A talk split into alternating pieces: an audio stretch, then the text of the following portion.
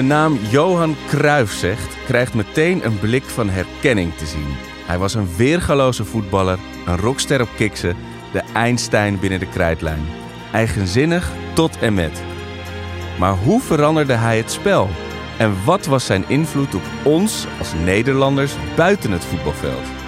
En waarom verdient de grootste Nederlandse voetballer aller tijden naast zijn eigen film, bibliotheken vol boeken en vele documentaires nou ook nog een musical?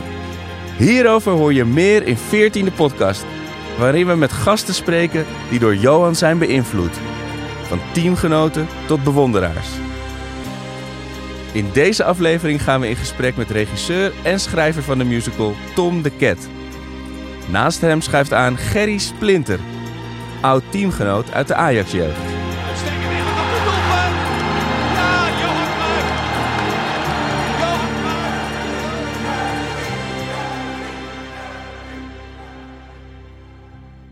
Welkom. Dit is een podcast, of dit is eigenlijk de podcast over Johan Cruijff. eh, zijn leven, eh, zijn nalatenschap en wat hij betekent voor ons als makers van deze podcast, van de musical, als eh, oud-vrienden en, en ploeggenoten eh, en voor ons als Nederland. Want Johan Cruijff is denk ik wel een van de meest bekende eh, Nederlanders aller tijden geworden. Wordt tegenwoordig in één adem genoemd met Rembrandt, Van Gogh en nu dus Johan Cruijff. Mijn naam is Arco Gnocchi. Ik ben geboren en getogen in Amsterdam. Eh, ik heb Johan Cruijff helaas nooit ontmoet. Heb wel de kans gehad. Zijn, eh, een van zijn beste vrienden woonde tegenover mijn ouders. Dan zag ik hem door de straat lopen. En elke keer zat ik met me in de keuken met mijn fototoestel in de aanslag. Eh, maar ik heb het nooit gedaan en daar heb ik altijd spijt van gehad. Waarom ik dat niet gedaan heb en waarom ik hem zo graag wilde ontmoeten, daar probeer ik nu ook achter te komen. Tegenover mij zit aan tafel Tom de. Eh, Hi. Acteur, regisseur, schrijver en vooral nu als theatermaker. En Gerry Splinter, eh, oud ploeggenoot van Johan Cruijff. En eh, ook begenadigd voetballer in uw glorietijden. Welkom heren. Dank je. Eh, Tom, mag ik met jou beginnen? Zeker. ja. Want eh, Johan Cruijff, 14e musical. Mhm. Toen het werd aangekondigd ging het nieuws de wereld rond. Nou, dat was ongelooflijk. Ja. Ehm, elke, elke voorpagina van elke buitenlandse krant eh eh, plaatste het. Hè. Dus natuurlijk in Spanje, maar zelfs tot in China, eh toe Brazilië, overal. Ja, dat, dat leeft dus. Toen dachten we, ja, dit is echt, eh, echt een absolute wereldster. Daarom, het, was een oerknal. Tegelijkertijd op voetbal-Twitter, waar ik veel, eh, te veel tijd spendeer, was men nogal cynisch. Tuurlijk, wat, wat, ja. wat vaker gebeurt. Van, eh, hij draait zich om in zijn graf. Johan, hoe, hoe kan dit? Ja. Hoe, hoe, wa- hoe was jouw reactie op de, ophef? Nou, nou de, eh, enerzijds was, vond ik het natuurlijk hartstikke eh, fantastisch dat dat gewoon meteen wereldnieuws werd. Kijk, en ik begrijp ook heel goed dat echt de diehard voetbalfans die denken van een musical, dat zit natuurlijk een bepaald eh, eh, ja, genre zit dat meteen. Dan denk je van wat, wat moeten we daarmee? Daarom wordt het ook een musical die heel anders is in de geest van Johan dan andere musicals. En wat, wat, is de geest van Johan? Ten eerste is het zo dat Johan eh, zich echt overal mee bemoeide. En heel eigenwijs was en alles anders deed dan anders. Dus dan dacht ik van ja, dat moeten we met deze musical dan ook doen. Ik heb het ironisch natuurlijk ook een musical genoemd, maar het is niet een traditionele musical. Dus ik laat hem in het begin al meteen zeggen van... eh, Johan richt zich meteen tot op de, op de zaal en zegt meteen van... eh, nou, ze hebben dus geprobeerd een, eh, een musical over mijn leven eh, te maken. Maar dan ben je dus wel eh, meteen verplicht om daar even iets bij te zeggen. Want eh, je ziet men als minstens alleen maar de voorkant, maar niet de achterkant. Dus zie mij maar als een soort musical-analyst.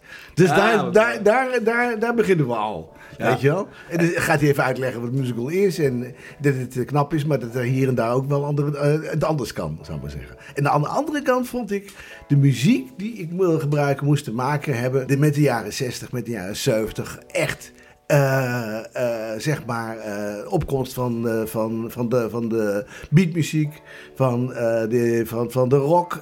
Zij werden toen ook natuurlijk, zeker in 74, gezien als rocksterren. Dus dat, dat idioom, dat wilde ik er gewoon in hebben. En daar hebben we een hedendaagse versie van gemaakt natuurlijk.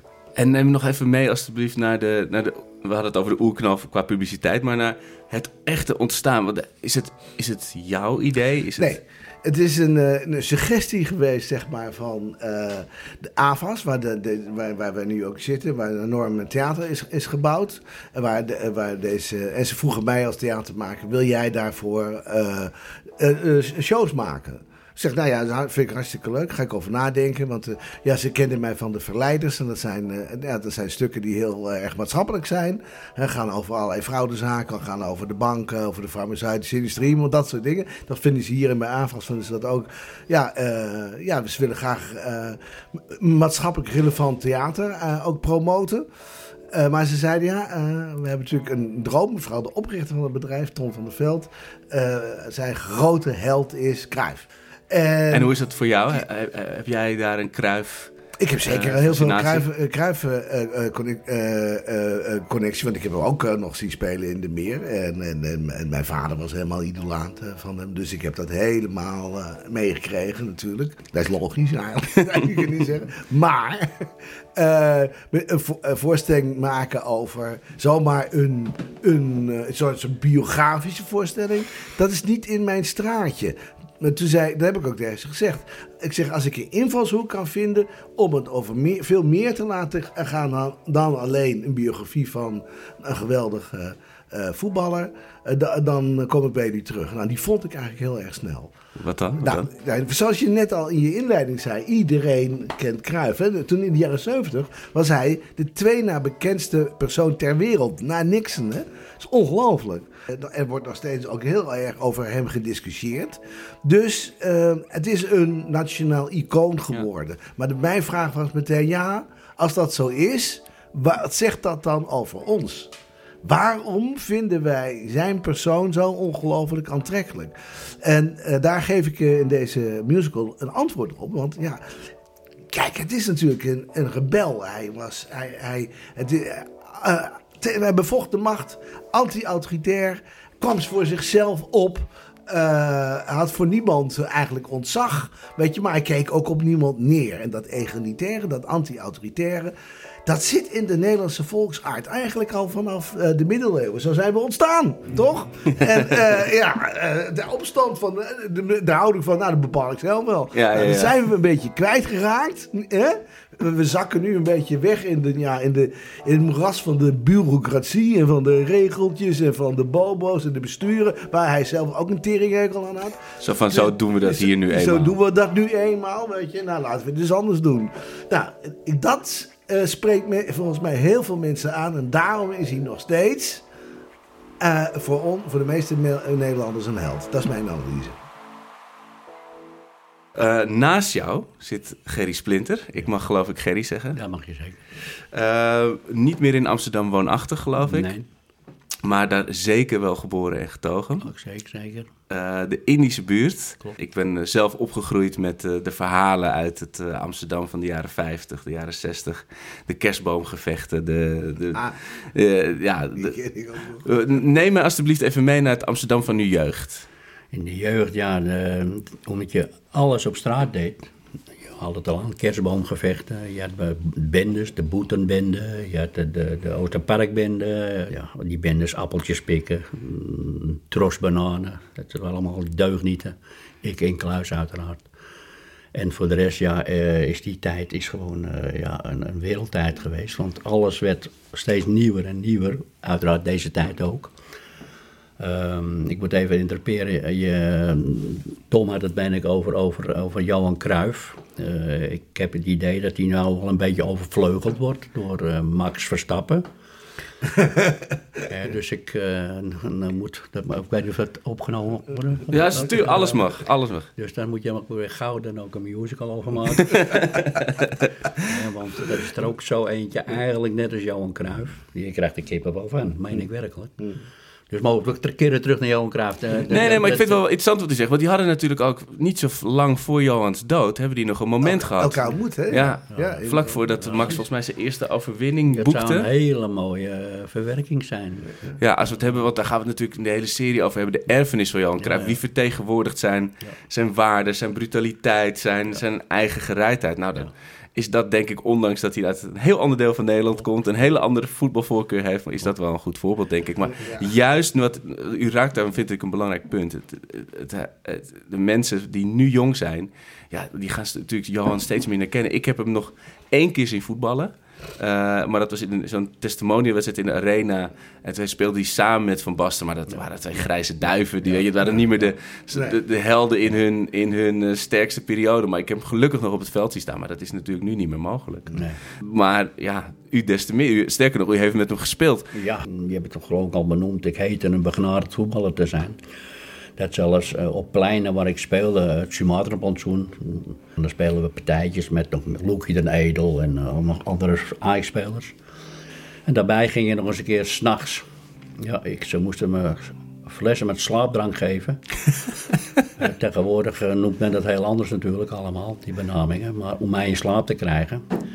Want ik ging ook eens een keer op de Dappermarkt met Barry Hulshoff en andere jongens gingen we op de, tegen die lichtpalen, van die marktpalen, gingen we voetballen. Dus het werd met de, met de paplepel werd het ingegoten. Nou, op een gegeven moment val je dan toch nog dermate op, op mijn tiende levensjaar, dat er iemand die zegt, je moet eens een proefwedstrijd gaan spelen bij Ajax. Nou, zo gezegd, zo gedaan. Ik had geen voetbalschoenen, want eh, vlak na de oorlog was dat niet dermate financieel dat men meteen kon zeggen, hier eh, Gerry, mijn ouderlijk huis hadden er nog drie, drie zonen. En ik kreeg altijd afdankers in de hiërarchie. Kreeg dus. Oh, ik had geen voetbalschoenen. En een oom zei tegen mij, als jij nu slaagt bij Ajax, je mij meteen een paar voetbalschoenen. Dat was niet de kick om het te gaan doen, maar... Dus ik, word, ik ga naar het voetbalveld toe, uh, mening op het voorland. En eh, nou, je moet er omkleden. En ik, eh hij bent krijg ik de bal en ik pingel elf mensen voorbij en op. En eh, ik denk, wat moet ik nou weer doen? Ik, word nou, pingel maar weer elf terug, weet je wel. Anderhalf minuut geduurd werd ik aangenomen. Anderhalf minuut. En was toen al Aj- de Ajax jeugdopleiding de, de, de status die het nu heeft? Want daar moet je zijn, daar gaat het gebeuren. Ja, want je hebt natuurlijk allemaal oud elftal spelers. Wat eigenlijk nu ook al een beetje, of een beetje veel beter doorkomt. Dat eh, spelers die gespeeld hebben, hun, hun, hun visie en hun kunde gaan doorgeven aan jeugd. Ja, dat was, dat was Johan Cruijff denk ik al een van de allergrootste voorstanders Zeker, van. zeker natuurlijk, waar. ja. Maar goed, ik werd toen meteen aangenomen. En eh, het was Johan Cruijff. Ik ben een jaar ouder dan Johan Cruijff. Ja. hè. Nou, toen kwam ik in Welpen 1. Dat heet toen Welpen, nu heet het Pupillen, meen ik. Ik vind Welpen wel een leukere naam. Ja. Ja, Welpen 1. Want als je goed bent, ja, dan kom je gewoon in het beste team natuurlijk. Nou, dus dat was voor mij een bewijs dat ik wel op de goede weg was. En dan speelde je dus wedstrijden tegen Wartburg, ja, dat soort dingen. Dan word je met 17-0 en dan maak ik er 15 of 16, weet je wel. Dat, ja, dat, maar gaat- er staat genoeg om beschreven, allemaal in stukken. Eh, Ik, je kan het googelen, staat ook allemaal over Gerry Splinter. Daar ben ik best trots. Trots op. Maar het is niet de bedoeling geweest, uiteraard, om dat zo te formuleren. Maar uiteindelijk ben ik wel blij dat ik toen aangenomen ben bij Ajax. En dus de hiërarchie omhoog. Nou, dan krijg je dus de, de C1, de D1, de D1, de C1, de B1, de A1 betaalde jeugd. Contract bij Ajax. Maar met Johan ben ik pas een jaar later in een team gekomen. Nou, Johan was...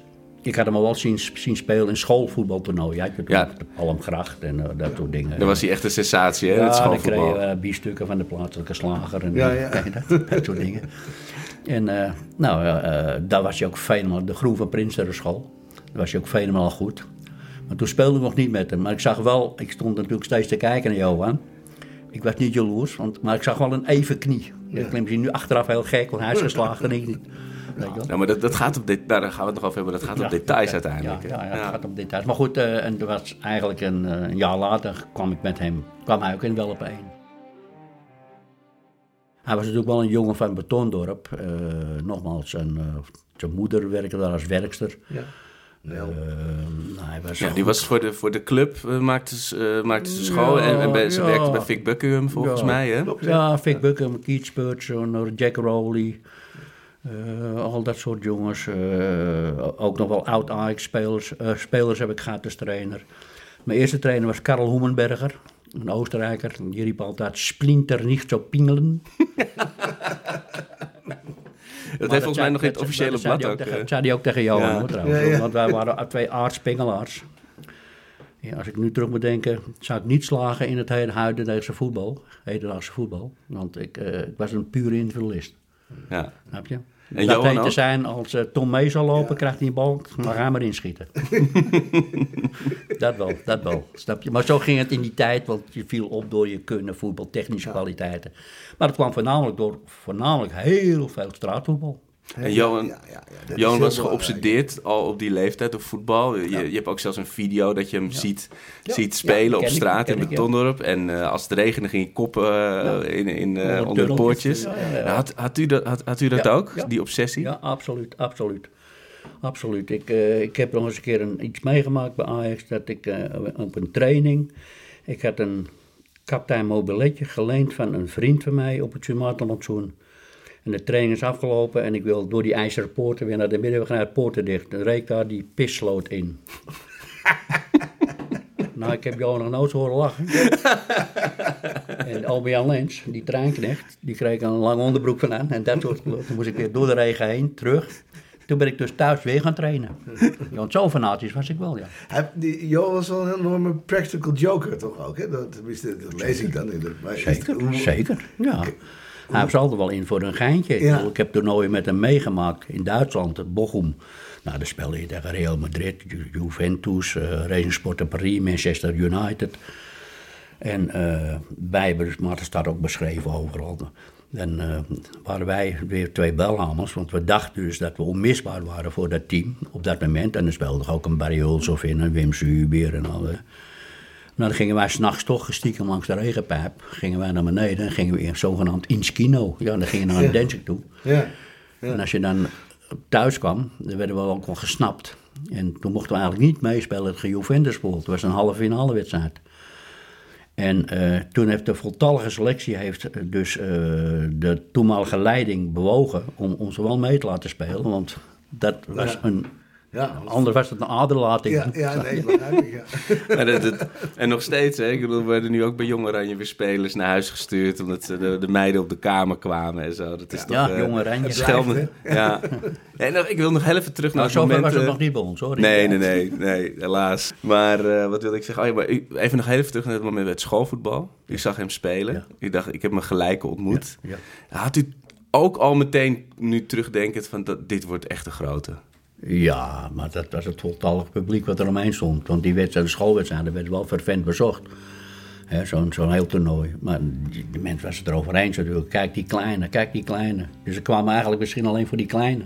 Zo werd hij dan ook genoemd. Hij was vrij klein, hij was nog kleiner. Ik was ook niet groot, maar hij was nog kleiner. Dus wat dat betreft heeft hij zijn sporen daar misschien al verdiend om... Maar daarbuiten was hij ook een, een, een jongen. Ik hoorde Tom net zeggen, hij was stond eigenwijs. Nou, er was er nog eentje eigenwijs, dat was ik. maar hij op de goede manier en ik op de verkeerde manier. hij, kwam, hij kwam ermee weg, of? Eh, nou, ik kwam er niet meer weg. Hij ging niet zo diep eh, als ik. Eh, als Rinus Michels zei, je moet je corner nog een keer nemen. Na de zesde keer zei ik, ik ga lekker naar huis. Hij paraplu. Ja, ja, je stond te voetballen voor die tijd.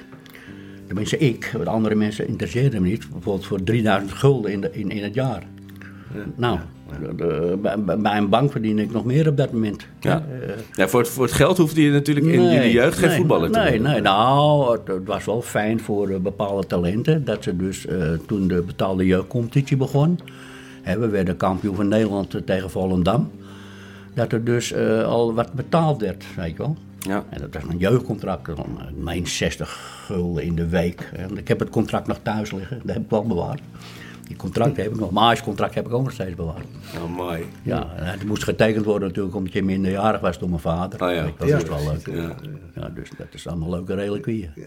En to- Tom, jij bent iets jonger dan Gerry, denk ik. Ja, 62 ben ik. Ja, Ga je nou, goed zien van dichtbij. Nou, gelukkig. maar...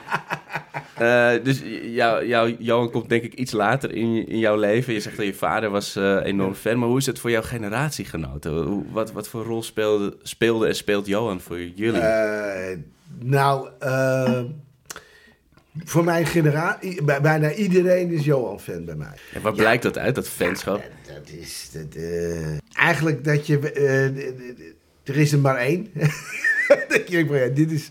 Maar het, het, het, het heeft te maken met Gochman, weet je wel? Het heeft te maken met Brani, het heeft te maken met. eh, eh, dat, eigenwijze. En natuurlijk, eh, als je. Kijk, ik heb natuurlijk voor deze voorstelling weer zo ontzettend veel teruggezien. En dan denk je van. Ja, maar die man die, die was echt fenomenaal. Wat, En- wat, wat was er zo Ah, fenomenaal? nou, d- eh, eh, de techniek, de, hoe hij de ballen neerlegde, maar ook vooral als je een beetje gaat verdiepen. Ik ben niet echt een voetbalkenner hoor, maar eh, eh, als, je, als je er een beetje in gaat verdiepen, dan zie je hoe, hoe hij het spel ziet, wat voor inzicht hij daarin had en wat hij, en hoe hij dus andere mensen laat spelen. En dat is natuurlijk echt, eh, ja, dat, dat, dat, dat, is, dat is denk ik iets wat hij nog meer voor heeft dan andere spelers die technisch alleen heel erg begaafd zijn. Nee, hij had echt een heel erg duidelijk idee over hoe het allemaal moest. Niet alleen over voetbal, maar ook over de rest. En dat spreekt mij heel erg aan. Dus, Maar dat eh, kon hij eh, zich over zich meten, want ja, hij was natuurlijk een, een natuurtalent.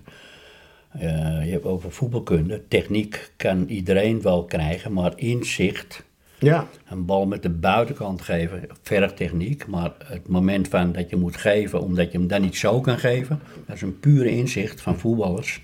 Die je nu ook nog hebt. Neem, neem een Messi. Goed, dat is inzicht.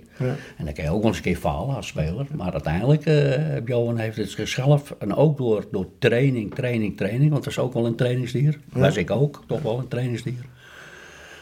Want je ging nog speciaal ging je nog eh, halve marathons lopen in mijn tijd. Je ging een marathon zwemmen, marathon schaatsen. Wat je allemaal aan deed om toch... en volgens mij deed Johan dat niet. Nee, nee, want had het, had het, niet, no- hij had het niet nodig. Nee. Had hij niet nodig. Maar over die techniek en over dat, dat heeft hij ook eh, met, eh, met, met Piet Keizer ook Ja. vooral heel erg veel. Heeft, heeft- Johan heeft veel van hem geleerd. eh. waren goede biljarters ook. Ja, dat, ja dat is Ook- ook vooruitdenken, Het was niet eh, de onuitstaanbaar om mee te biljarten, heb ik begrepen. Boven de kantine eh, had je dan die, die, die, die, die zaal natuurlijk, waar Ja. je een, bar- een borreltje kon drinken. En daar stond ook. Na trainingsuren gingen we altijd biljarten. Ja. U zei al, eh, u komt uit de Indische buurt. Eh, nou, Ajax lag tegen het betondorp aan. Dat is dat je nog een stukje Watergasmeer. Klopt.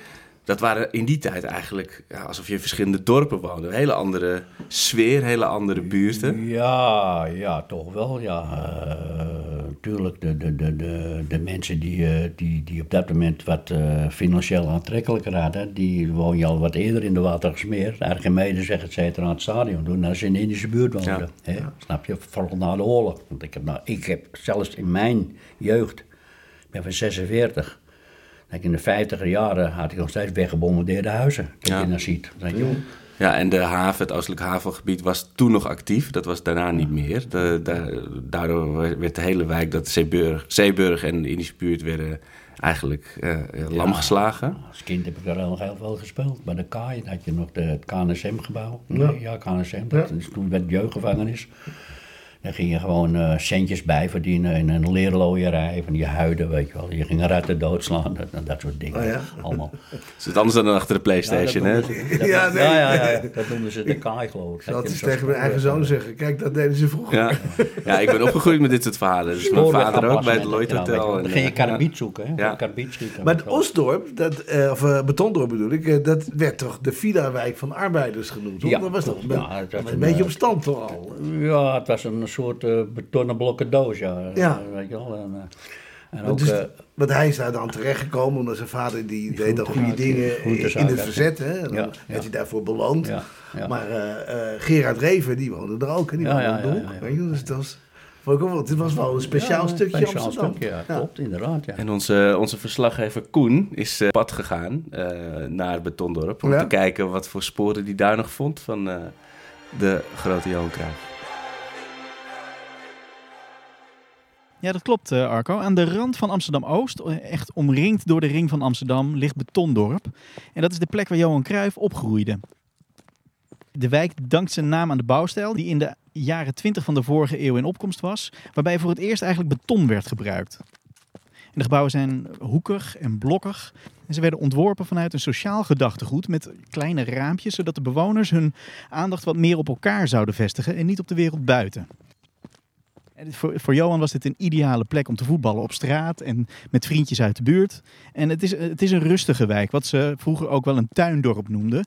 Eh, Wel onderdeel van een stad, maar als je erin rondloopt, dan heb je echt het gevoel dat je in een willekeurig middelgroot dorpje in Nederland rondloopt. Het is hier stil op straat en het enige wat verraadt dat we niet meer in de jaren 50 leven is eigenlijk ja, de grote hoeveelheid geparkeerde auto's. Een ideale plek om als kind dus te voetballen op straat. Hij woonde op de hoek van de Akkerstraat en de Tuinbouwstraat op nummer 32. Tot mijn twaalfde jaar heb ik er gewoond. Toen ben ik dus een straat verderop komen te wonen. En, eh, dus ik heb hier zo'n beetje mijn jeugd gesleten, kun je wel zeggen. En zijn vader Manus was de lokale groenteboer die groente en fruit verkocht. Ook aan Ajax. Die had dus hier de zaak. Die kwam oorspronkelijk dus uit de Jordaan.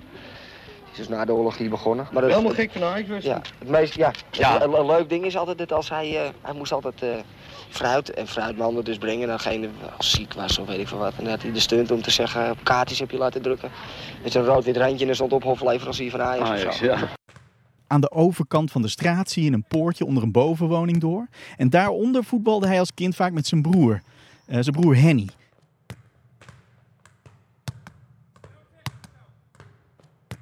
En nu is een van de grote etalageramen hier is afgeplakt met een foto van een hooghoudende Johan. Kleine jongen nog. Met een uitspraak van hem erbij over het belang van buitenspelen voor kinderen.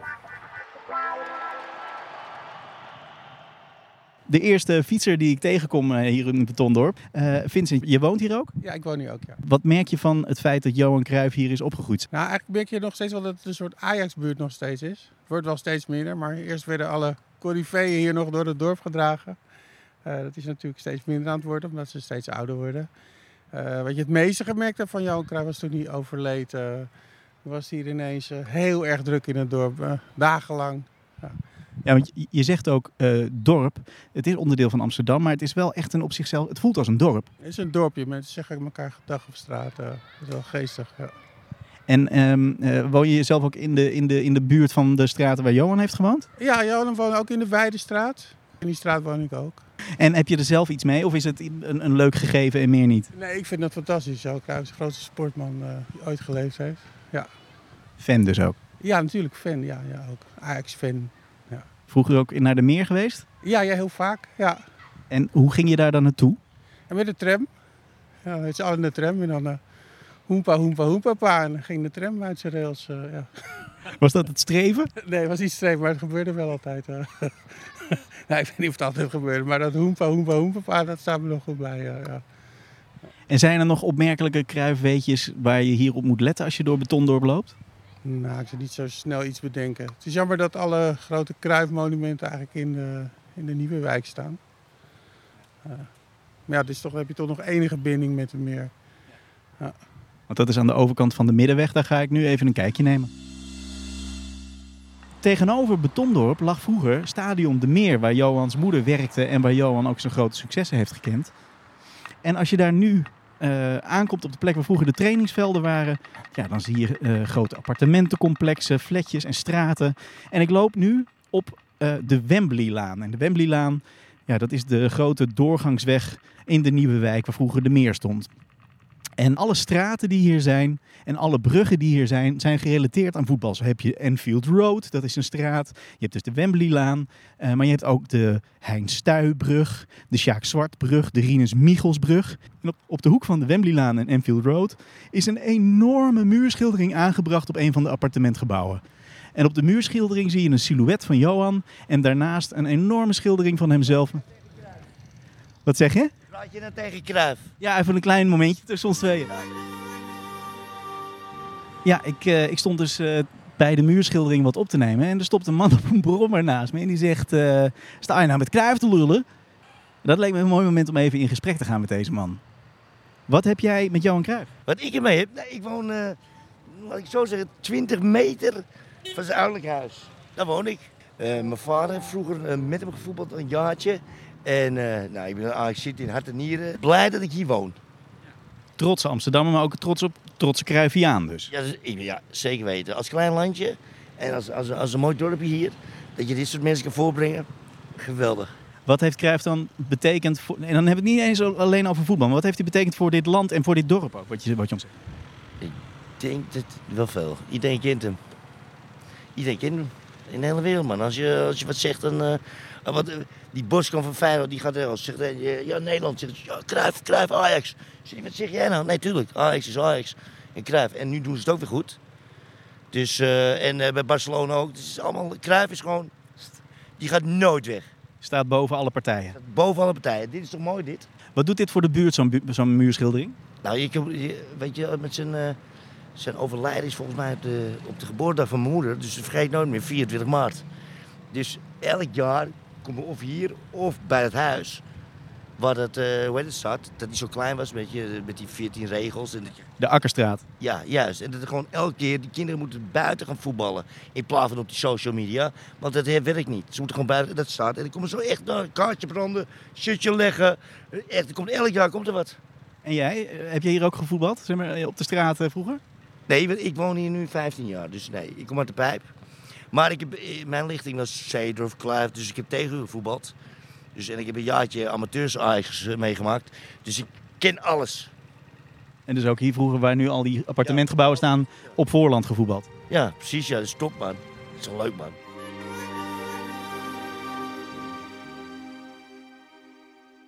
Wat is het toch met Johan dat alles...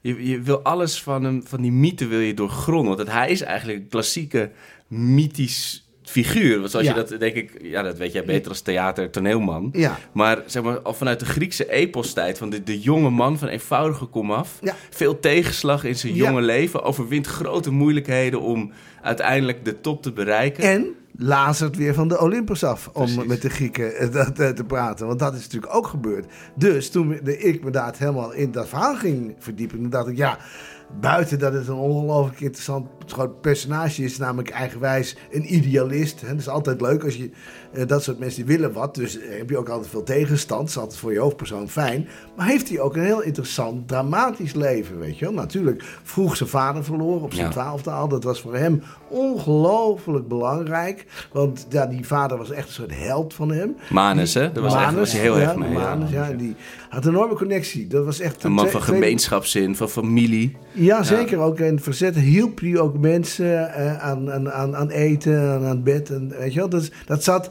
dat hele sociale, dat zat ook in die man. En, dat, en hij was altijd vrolijk. Ah, eh, die man was altijd een heel opgewekt humeur. Dus dat gaf Johan heel veel vertrouwen en rust en zo. Want je, het was natuurlijk een enorme zenuwpees. En, eh, Dus dat was heel belangrijk. Dat En viel- gebbetjes, hè? Hij had, Ja. had een glazen oog, begreep ik. Ja. En dan eh, ging hij met, tegen men, anderen deed hij wedstrijdje de Ja. zon in kijken. En dan deed hij dat met zijn glazen oog. En dat hield hij natuurlijk on... Die on on, gewoon vol. Ja. ja. En dat is ook heel erg eh, Jordaanese humor. Hè? Want eh, van hem is dan ook de uitspraak van... je moet altijd mensen helpen, maar als je, als je ze kan naaien, moet je niet lang laten. Ja, want de familie Cruijff is dus van, van de Jordaan naar, de, Ja. naar Tuindorp gekomen. Hè? Ja, De- de- nou, het nou, beloofde land van de arbeider, waar Als lichte beloning rust en ruimte. Ja. Dus, dat zit er, eh, dus dat zit er heel erg eh, al in. Dat, eh, en als dat wegvalt zo heel erg vroeg, weet je wel, ja, dan moet je het allemaal zelf doen. En op school, ja, hij kon niet goed leren. Hij heeft geen diploma gehaald, hij kon niet stilzitten. Tegenwoordig heet dat dan ADHD, weet je wel. Nou ja. hij, hij had het echt zwaar en moeilijk. Het stond ook niet dus in de sterren geschreven dat hij op zo'n hoog niveau zou gaan spelen. Want Nee, ook fysiek niet, toch? Jij zegt wel, hij, is ielig. Absoluut niet fysiek. En ook met zijn hele moeilijke voeten had hij. Maar ook heel veel conflicten met eh dingen. Zijn moeder heeft, eh, ja, als een soort, eh, soort havik zat hij erop. Die heeft hem zelfs meegenomen naar psychologen, weet ik veel wat. Dus, dus het, het, stond, was, het ging niet allemaal vanzelf. En dat heeft hij dus toch allemaal bereikt. Want hij wist eh, bij, bij, zijn, bij zijn debuut eigenlijk, wist hij van ja, dit... De, wat, jij zo net ook al zei, dit was eigenlijk nog geen echt vak. dus dat moest hij zelf uitvinden. En dat heeft hij ook gedaan. En dat moest hij met een enorme drive doen. Want hij wist, verder kan ik eigenlijk niks. Dus ik moet, dit moet lukken. Ja. En daarom bemoeide hij zich natuurlijk ook overal mee. Want hij, dat was een soort eh, ja, force of nature. Want anders zou het niet goed met hem aflopen. Want hij had die armoede gekend. Dat zit er helemaal Want hij in. was 12 toen zijn vader overleed. Dus er is geen grote... Daar, daar ga je in overlevingsmodus Juist. natuurlijk. Ja. Ja, En, dat, en, en dan, goed, dat is hem uiteindelijk dus allemaal gelukt. Eh, dat kom je dan allemaal tegen. Dan denk je, maar dit is gewoon, dit is gewoon een, een, een klassieke Griekse held. Ja, Maar, maar kun, kun de voetballer brengen, voetbal zien, voetbal brengen, heb je natuurlijk ook nog wel een geweldige steun gehad naar Rinus Michels. Ja, zeker weten. Absoluut. Ja, ja. tweede vader voor Ja. hem. hè? Ja. Ja, dat is, dat is een, heel, een thema natuurlijk heel erg ook in onze voorstelling. Ook de alle vaders die hij dus ook eh, zocht, omdat hij dat miste. Maar Ja. Michels Ja. was natuurlijk daar ook heel erg belangrijk in, absoluut. Ja, Ja. ze begrepen elkaar ook heel erg goed, ja, snap je? ja, ja. Hij is wel eigenwijs, Ja. Marinus was ook eigenwijs, Ja. maar het zag- het staat wel op hetzelfde level. Ja, hè? Ja, ja, absoluut, absoluut. Ja, het eerst dat Johan had nog naast het voetbal had hij bijbaantjes. Bij de bakker, bij eh, de sportwinkel van Perry. Ja, Ja. ja, ja, dozen schuiven, ja. in het magazijn. Ik, eh, neem ons even mee, alsjeblieft, Gerry, naar het moment dat jullie samen in het team kwamen. Want het waren twee haantjes, twee pingelaars. Ja, ja, ja, ja, ja. We waren eh, nogmaals, eh, we speelden ook voorwedstrijden voor het AX1 in het Olympisch Stadion en ook in de meer zelf. En, en dan was hij, eh, eh, op een gegeven moment, als hij achter stond, was hij toch ontzettend te neergeslagen in het veld. Hè, Dat, dat, dat het niet lukte, dat het niet lukte. En dan was hij ook wel tegen mij, eh, was hij toch wel een beetje nukkig. Maar er waren momenten... Nukken. Ja, Nee, slak ik, heb al, ik heb andere verhalen gehoord. Maar er waren dus ook wel momenten, in- vooral in voorwedstrijden, competitiewedstrijden, daar kom ik er echt wel op terug. Dan eh wonnen we bijvoorbeeld met 4-3 van blauw-wit. Maar je had een voorwedstrijd ijs-blauw-wit bijvoorbeeld. En dan stonden we met 4-1 achter. En eh, niet, ik zei de gek, maar ik maakte toen drie goals. Maar op aangeven van Johan steeds. Dus het was andersom, hè. hij gunde mij. En die laatste goal, nou, ik, ik eigenlijk had ik niet moeten zitten, want ik denk, ik, toen al, ik, dat red ik niet meer, weet je. Zoveel had je gegeven, want je, je wilde niet verliezen. Nogmaals, Johan ook, ik tenminste wel. Ik was 14 jaar dat ik mijn eerste wedstrijd bij Ajax verloor. 14 jaar. Hm, ja. Voor de rest altijd alles gewonnen. ja, altijd gewonnen. Altijd gewonnen. Zo niet gezond. Dat is ook- nee, maar het is ook wel een verhaal. En dat, dat, dat moet je in die context plaatsen. We hadden een doofstomme scheidsrechter. Dat zijn ze toch allemaal? Dat is, dat is echt waar. Dat is, echt- dat is echt waar. Dus, Oh. dus bepaalde spelmomenten, en je kent Johan ook al, waar, waar je het niet mee eens was. En dan ga je tegen die man... ja, die verloren we. Toen gingen we huilend het veld af. Met z'n tweeën. Gewoon janken. Meer nog dan de rest van het team? Eh, ja, er waren ook jongens bij, ja, maar die waren niet zo. Ik was toen ook ja, ja, zeer eerzuchtig, moet ik eerlijk zeggen. Ik, eh, ik, ik wil verliezen. Eh, ik kan tegen mijn verlies. Maar eh, ik, Liever niet. nee, liever niet. Nee. Maar hoe was het dan? Want is dat alles team... voor, weet je. En Johan ook, Ja. absoluut. Een Dat is team- toch de mentaliteit van de topsporter. Ja, ja, hè? Dat ja. moet je hebben. Maar is het dan, hij kan, heeft kan het, een hij team... heeft het eh, volgehouden, nogmaals. En ik ging met een kooi in even naar het naar het Remmersplein. En toen werd het wat minder allemaal. Nee, ja, daar, daar, ga, daar gebeurde. Maar een team kan in principe maar één haantje hebben, toch? Dat- Of één, één, één bovenaan de apenrot. Was er wederzijds ja. respect of was het echt felle Nee, concurrentie? Wel, nee, wel wederzijds respect. Als, wederzijds respect. Want dan zou ik er niet zo nu nog zo verwend over kunnen praten. En Als ik iemand niet moet of, niet, of haat, dan, eh, dan had ik hier ook niet gezeten. Snap je? Nee. Niet omdat het een verdet is geworden. Nee, absoluut niet. Ik heb met iedereen eh, sociaal dat ik denk van, wel, prima allemaal, geweldig. Maar uiteindelijk was het wel met Johan. Ja, eh, er was wel strijd eh, in de zin woord. Van, ook in de boeken en in de, de fragmenten die op Google allemaal staan. Van, ja, Gerry zegt, hij maakte er 16. Nee, dat was ik. Ik, ik zeg nee, want eh, jij wordt met 17-6. Jij maakte de 17e en ik maakte de, de overige goals. En het, het, ook andersom steeds. Het was wel constant een woordengesprek van na afloop van wedstrijd. Hoeveel heb jij er gemaakt? Ik zeg zes. Hij zegt, kan niet. Ik heb er zeven gemaakt. Weet je wel? Dat, en het zal misschien ook wel eens een keer waar geweest zijn ook hoor. Absoluut. Ja, maar hij ging volgens mij met mensen erg niet, of met Rummy Cup ging hij nog zo in discussie volgens mij. Ja. En hij heeft, hij heeft wel eens gezegd van de, de, de, de jeugd, vooral de A-jeugd, zeg maar, dus de, de vlak voordat hij echt eh, prof, eh, of dus eh, bij het eerste kwam, Ja. waar was de gelukkigste tijd uit zijn leven. Toch best, ja. ja dan zit je, in ik heb me goed herinneren, in de kleedkamer. Dan heb je een, nou voor die tijd, hè, dat was al, bij Ajax al heel professioneel, een kleedkamer. Dan zat er eens een bordje, Vasovic, Gerry Splinter, Tony Pronk, Sjaki Zwart, Piet Keizer, Wim Suber, Ruud Krol, Kees de Wolf, nou, enzovoort, enzovoort.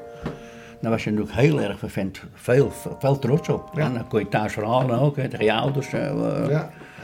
Ja, Dat zijn dingen, ja, dat vergeet je nooit. Dat, eh, En was hij toen ook, hield hij toen ook al van kletsen, Johan? Was ja, hij, eh, ja. Nou, niet, ik ben niet zo gek. Ja, misschien praat ik wel of niet te veel. Maar als ik op vorm ben, dan eh, ben ik niet te stoppen met praten. Johan had het niet. nee, nog niet. Nee. Die was, eh, ik, noem het, een- ik noem het een linkmichel. Die Ja? kijkt de kat uit de boom. Maar als je zijn kans pakte, dan zei hij ook, nam geen blad voor zijn mond, zei hij onomwonden wat hij ervan vond of niet van vond. Terwijl ik probeer nog wel eens te marchanderen.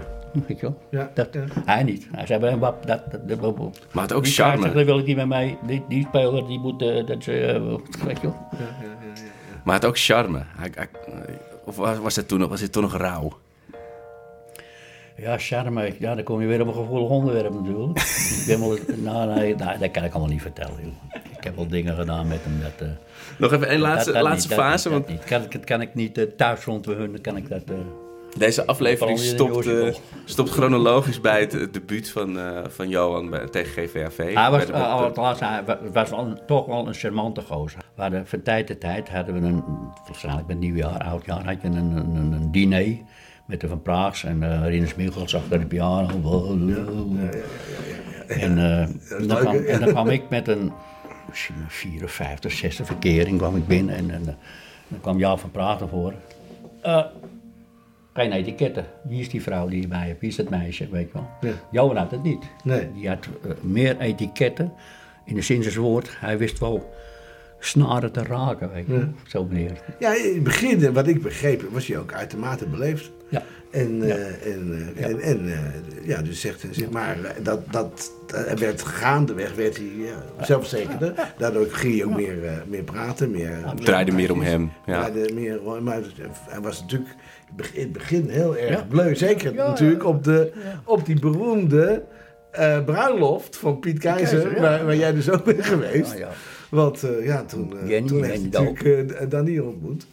Ja. Daar op die, op die, eh, op die, eh, op die bruiloft. Aan je ogen te En- zien, heb, Tom, heb, is... je dat nog, heb je dat nog gezien? Heb je dat nog meegemaakt? Nee, nee, nee, nee, nee, nee, nee, Nee? nee, nee, nee, nee, absoluut niet. Maar aan je ogen te zien wordt dit een van de mooiste scènes uit, eh, uit de musical. Ja, of niet? zeker. Ja. natuurlijk. Ik, eh, ik, ik, eh, ik, ik vond wel meteen, dat moet ik eerlijk zeggen, als jongen. Hè, Ja. dat had hij goed gedaan met de dochter van Koster. ja.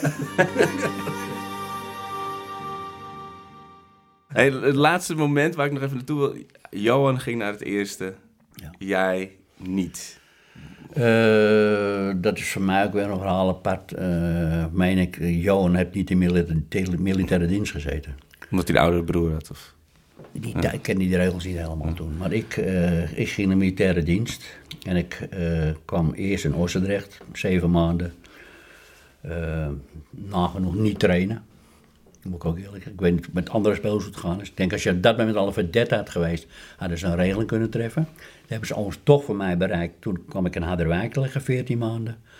Eh, omdat ik eh, specialist werd, telegrafist was ik. En uh, morsen zijn en ik had nog paald net als steen ook en ik ook. En, dat, en toen moest ik trainen bij VVOG in Harderwijk. Maar ik werd wel semi-paraat. Ik mocht dus elk weekend wel naar huis toe. Maar ik kwam in het IS-2 terecht. Hè? IS-2 met uh, Ronnie Bogaert, uh, Piet Paternot, uh, Kees de Wolf, uh, Van Haren, Kunter de Haan. Nou, de halfgoden. Kan, kan al, ja. Loekie Cohen, ik ken nog wel een paar van die namen allemaal.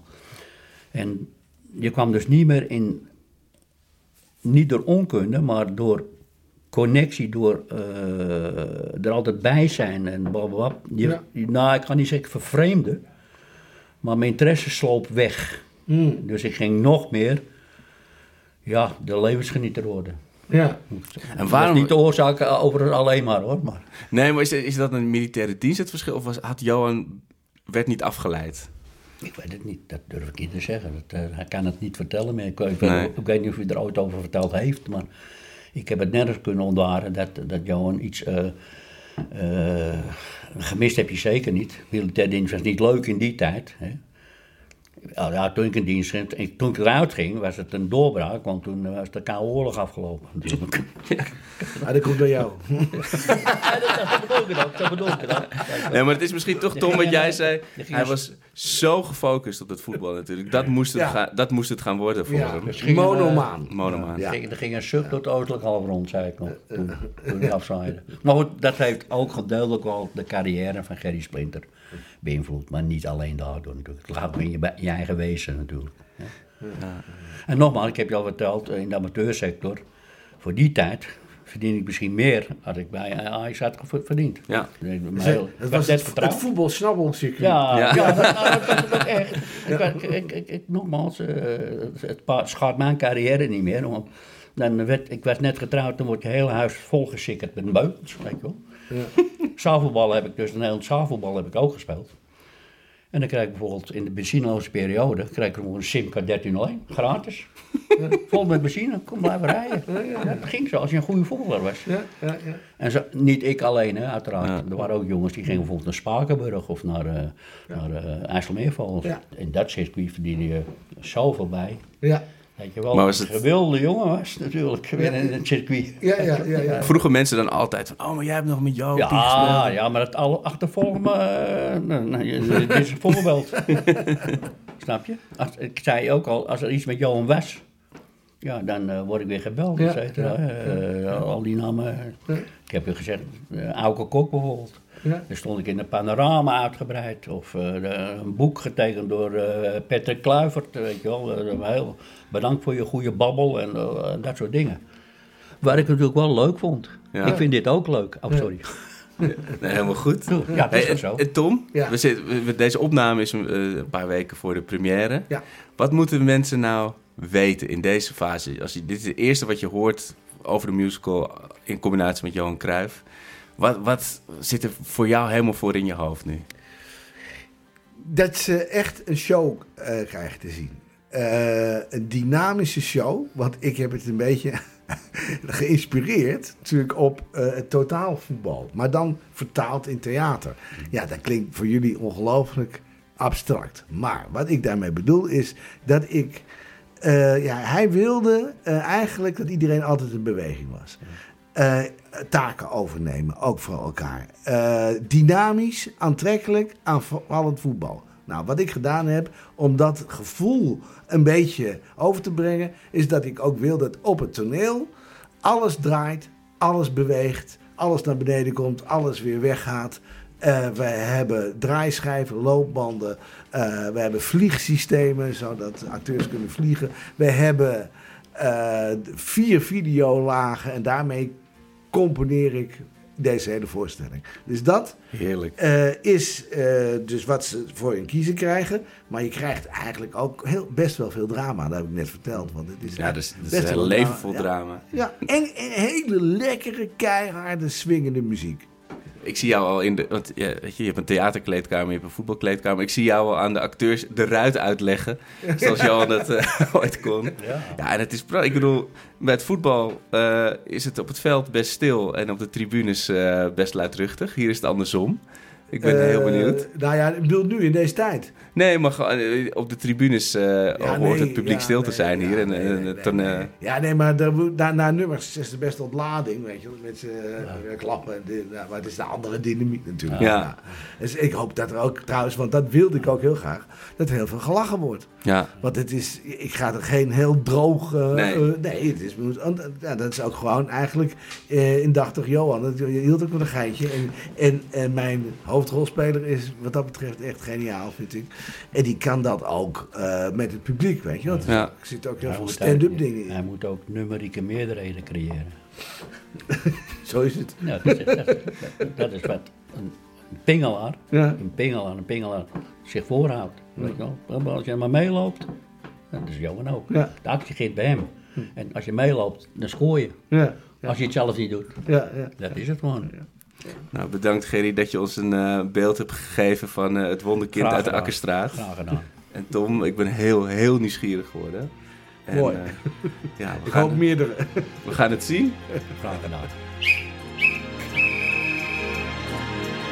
Bedankt voor het luisteren naar de eerste aflevering van dit zesluik over Johan Cruijff. Wil je meer weten over de musical? Kijk dan op 14themusical.nl. En vergeet niet om de podcast te delen met je vrienden op social media. En geef alsjeblieft likes en sterren waar je maar kan. In de volgende aflevering hoor je twee andere sterren. Tobias Nierop, die Johan Cruijff speelt in de musical. En Heinz Stuy, de keeper van het legendarische Ajax-team uit de jaren 70... dat drie keer op rij de Europa Cup 1 won.